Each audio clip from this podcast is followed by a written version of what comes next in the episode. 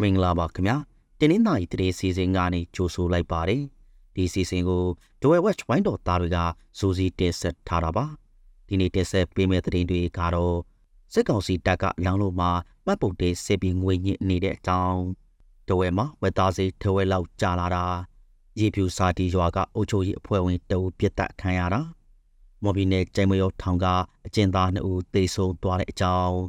တင်းနှင်းသားကြီးကညောင်ပေကွင်းရွာအခြေဆိုင်စစ်ကောင်စီတိုင်ရင်ကျုံးနဲ့ပိုးချတိုက်ခိုက်ခံရတာ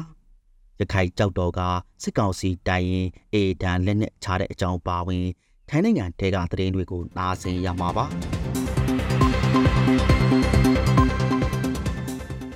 လောင်မျိုးပေါ်ကစစ်ကောင်စီတန်တဲ့ပြူစောတိစစ်စေးထေတွေမှာဖိတဲ့တွေကိုမှတ်ဖို့တင်စစ်ဆေးပြီးငွေညစ်နေတယ်လို့ဆိုပါတယ်ဒီဇင်ဘာလနောက်ဆုံးအပတ်ကစပြီး လောင်လိုမျိုးတောင်ဘက်ရွာတွေကိုအင်အားအလိုရင်းနဲ့စစ်ကြောင်းထိုးနေတဲ့အခြေကစပြီးမှတ်ပုံတင်စစ်စစ်နေတာလို့ဆိုပါတယ်။ခရီးသွားရမှာမှတ်ပုံတင်မပါသူတွေနဲ့လဲလှယ်ရမယ့်တမန်ရဲ့ကြော်နေသူတွေစီကနေတအူကိုငွေကြ3000ထိတောင်းယူနေတာလို့ဆိုပါတယ်။ဒီလိုမှတ်ပုံတင်စစ်စစ်ပြီးတင်းကြလာတာကြောင့်ဒေသခံတွေကလာဝကအရှိုးကိုသွားပြီးမှတ်ပုံတင်အလူရဲ့လိုနေကြတယ်လို့ဆိုပါတယ်။အခုရက်ပိုက်အတွင်းမှတ်ပုံတင်လဲလှယ်သူ အစ်စ်ရိုက်သူတွေများပြားလွန်လာကြောင်းပြန်လှော့ခံရသူအချို့ရှိနေတယ်လို့ဆိုပါတယ်။မန်ပုံတင်ချေကငွေကျ3000ကနေကျ9000အထိပေါက်ဈေးရှိနေတယ်လို့ဆိုပါတယ်။တဝဲဈေးကွက်မှာပြီးခဲ့တဲ့3လလောက်ကစိန်တို့နဲ့နိုင်ရှင်ရင်ဝက်သားဈေးထဝက်နေပါကျဆင်းသွားပါတယ်။ပြီးခဲ့တဲ့နှစ်အောက်တိုဘာလကဝက်သားတပိတ်တာကိုကျ18000နဲ့ရောင်းချနေရက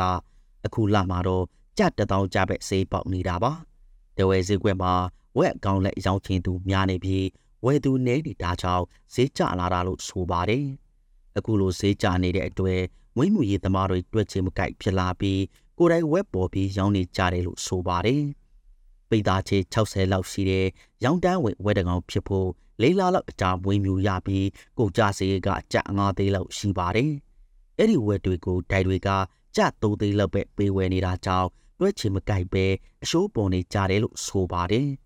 ဒါပေမဲ့တဝဲမျိုးပေါ်က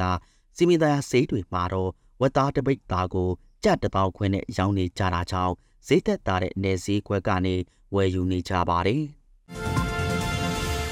ရေဖြူမျိုးနဲ့ဇာဒီကျေးရွာမှာမနေ့ကပြုလုပ်နေတဲ့အလူပွဲမှာဦးကျေးရွာအုပ်ချုပ်ရေးအဖွဲ့ဝင်ဦးလာလာပြစ်တက်ခံလိုက်ရပါတယ်။ဦးလာလာဟာအာနာသိပြီးနောက်ဇာဒီကျေးရွာရဲ့အုပ်ချုပ်ရေးအဖွဲ့ဝင်ဖြစ်လာခဲ့တာပါ။တနအသမားတွေက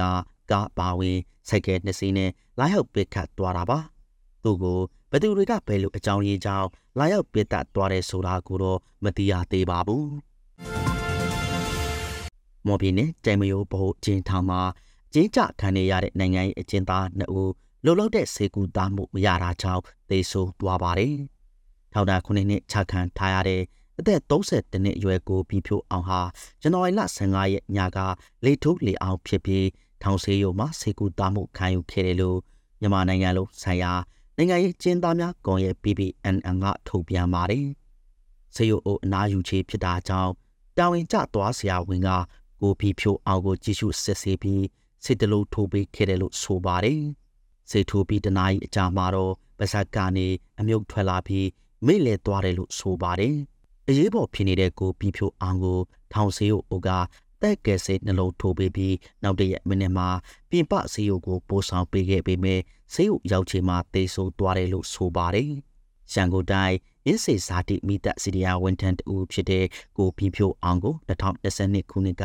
ကရင်ပြည်နယ်ဘားမြို့နယ်တန်လွင်တရားထိပ်မှာစစ်ကောင်စီတပ်ကဖမ်းဆီးခဲ့တာပါ။ဇန်နဝါရီလ12ရက်နေ့ကလည်းထောင်ဒဏ်တက်သက်ချမှတ်ခံထားရတဲ့နိုင်ငံရေးအကျဉ်းသားကိုရရှင်ဟာစစ်ကြောရေးမှာရိုက်နှက်ခံရတဲ့အတွင်းဒဏ်ရာတွေနဲ့ သေဆုံးသွားပါတယ်။အသက်53နှစ်အရွယ်ရှိတဲ့ကိုရရှင်ဟာရိုက်နှက်ခံထားရတဲ့ဒဏ်ရာတွေကြောင့်2023ခုနှစ်နိုဝင်ဘာလကစပြီးကျမ်းမာရေးဆိုးရွားလာတဲ့အတွက်ထောင်ဆေးရုံမှာမကြာခဏပြသနေရတယ်လို့ဆိုပါတယ်။ဒီလိုပြသနေပေမဲ့မသက်သာတာကြောင့်ဇန်နဝါရီလ17ရက်နေ့ကထောင်ပြင်ပဆေးရုံကိုအရေးပေါ်ဆေးကုသမှုခံယူဖို့ပို့ဆောင်ခဲ့ပြီးနောက်တရက်မှာတော့တိတ်ဆိုးသွားတယ်လို့ဆိုပါတယ်။ တင်းနှင်းနိုင်မျိုးနဲ့ညောင်ပေကွင်းရွာခြေဆိုင်စစ်ကောင်စီရဲ့ခမရ961တိုင်ရင်ကိုပြပြည်သူ့ကာကွယ်ရေးပူးပေါင်းတပ်တွေကမနေ့ညနေကဂျုံနဲ့ဗုံးချတိုက်ခိုက်ခဲ့ပါတယ်။ညနေ၄နာရီကျော်မှတစ်ချိန်နဲ့ညနေ9နာရီကျော်မှတစ်ချိန်တိုက်ခိုက်ခဲ့တာဖြစ်ပြီးစစ်ကောင်စီတိုင်ရင်ကလည်းလက်နက်ကြီးနဲ့ပြန်လည်ပစ်ခတ်ခဲ့တယ်လို့ဆိုပါတယ်။ဇန်နဝါရီလ15ရက်နေ့ကလည်းစစ်ကောင်စီရဲ့ခမရ961တိုင်ရင်နဲ့ရောက်ပင်ကွင်းရွာတရားစစ်စေးကစ်ကို ပြည်သူ့ကာကွယ်ရေးပူးပေါင်းတပ်တွေကအဝင်ရောက်တိုက်ခိုက်ခဲ့ပါတယ်။ရခိုင်ပြည်နယ်ကြောက်တော်က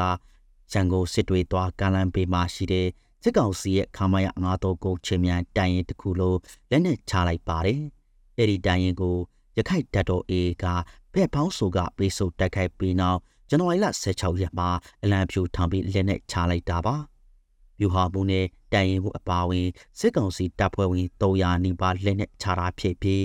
ကလင်းငယ်တွေနဲ့မိသားစုဝင်ရာချီပါဝင်တယ်လို့ဆိုပါတယ်။လက်နက်ချတဲ့စစ်ကောင်စီတပ်ဖွဲ့ဝင်တွေကိုကြုတ်တုပ်ပြီးအေတပ်ဖွဲ့ဝင်တွေကခေါ်ဆောင်သွားတဲ့ရုပ်သံမှတ်တမ်းကိုလည်းလူမှုကွန်ရက်မှာတွေ့ရပါတယ်။ခမရငါတော့ကိုတိုင်ဟာရခိုင်မှာ တိုက်ပွဲစတင်ဖြစ်ပွားချိန်ကလေးကခရီးသွားပြည်သူတွေကိုအစစ်ဆေးတင်ကြတာငွေကြေးကောက်ခံတာနဲ့ဖန်ဆီးတာတွေပြုလုပ်လေရှိတယ်လို့ဆိုပါတယ်။တိုက်ပွဲကာလအတွင်းလူနေကြီးရွာတွေကိုလက်နက်ကြီးနဲ့ပစ်ခတ်တာတွေကြောင့်ရတာထိခိုက်သေးဆုံးတာတွေလည်းရှိခဲ့တယ်လို့ဆိုပါတယ်။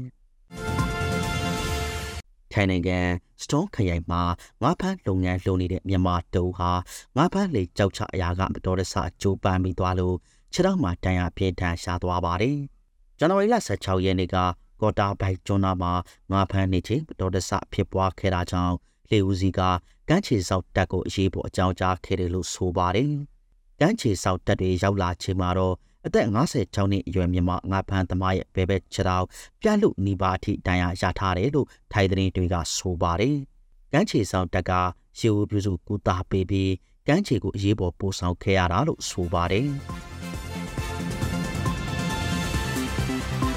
ခုလိုနားဆင်ပေးခဲ့တဲ့အတွက်ကျေးဇူးအထူးတင်ရှိပါတယ်မြန်မာနိုင်ငံသားများတက်ပြီးပေါင်းကနေအမြန်ဆုံးလွတ်မြောက်နိုင်ပါစေလို့ဒဝဲဝက်ဝိုင်းတော်သားတွေကဆုမောကောင်းတောင်းအပ်ပါတယ်ခင်ဗျာ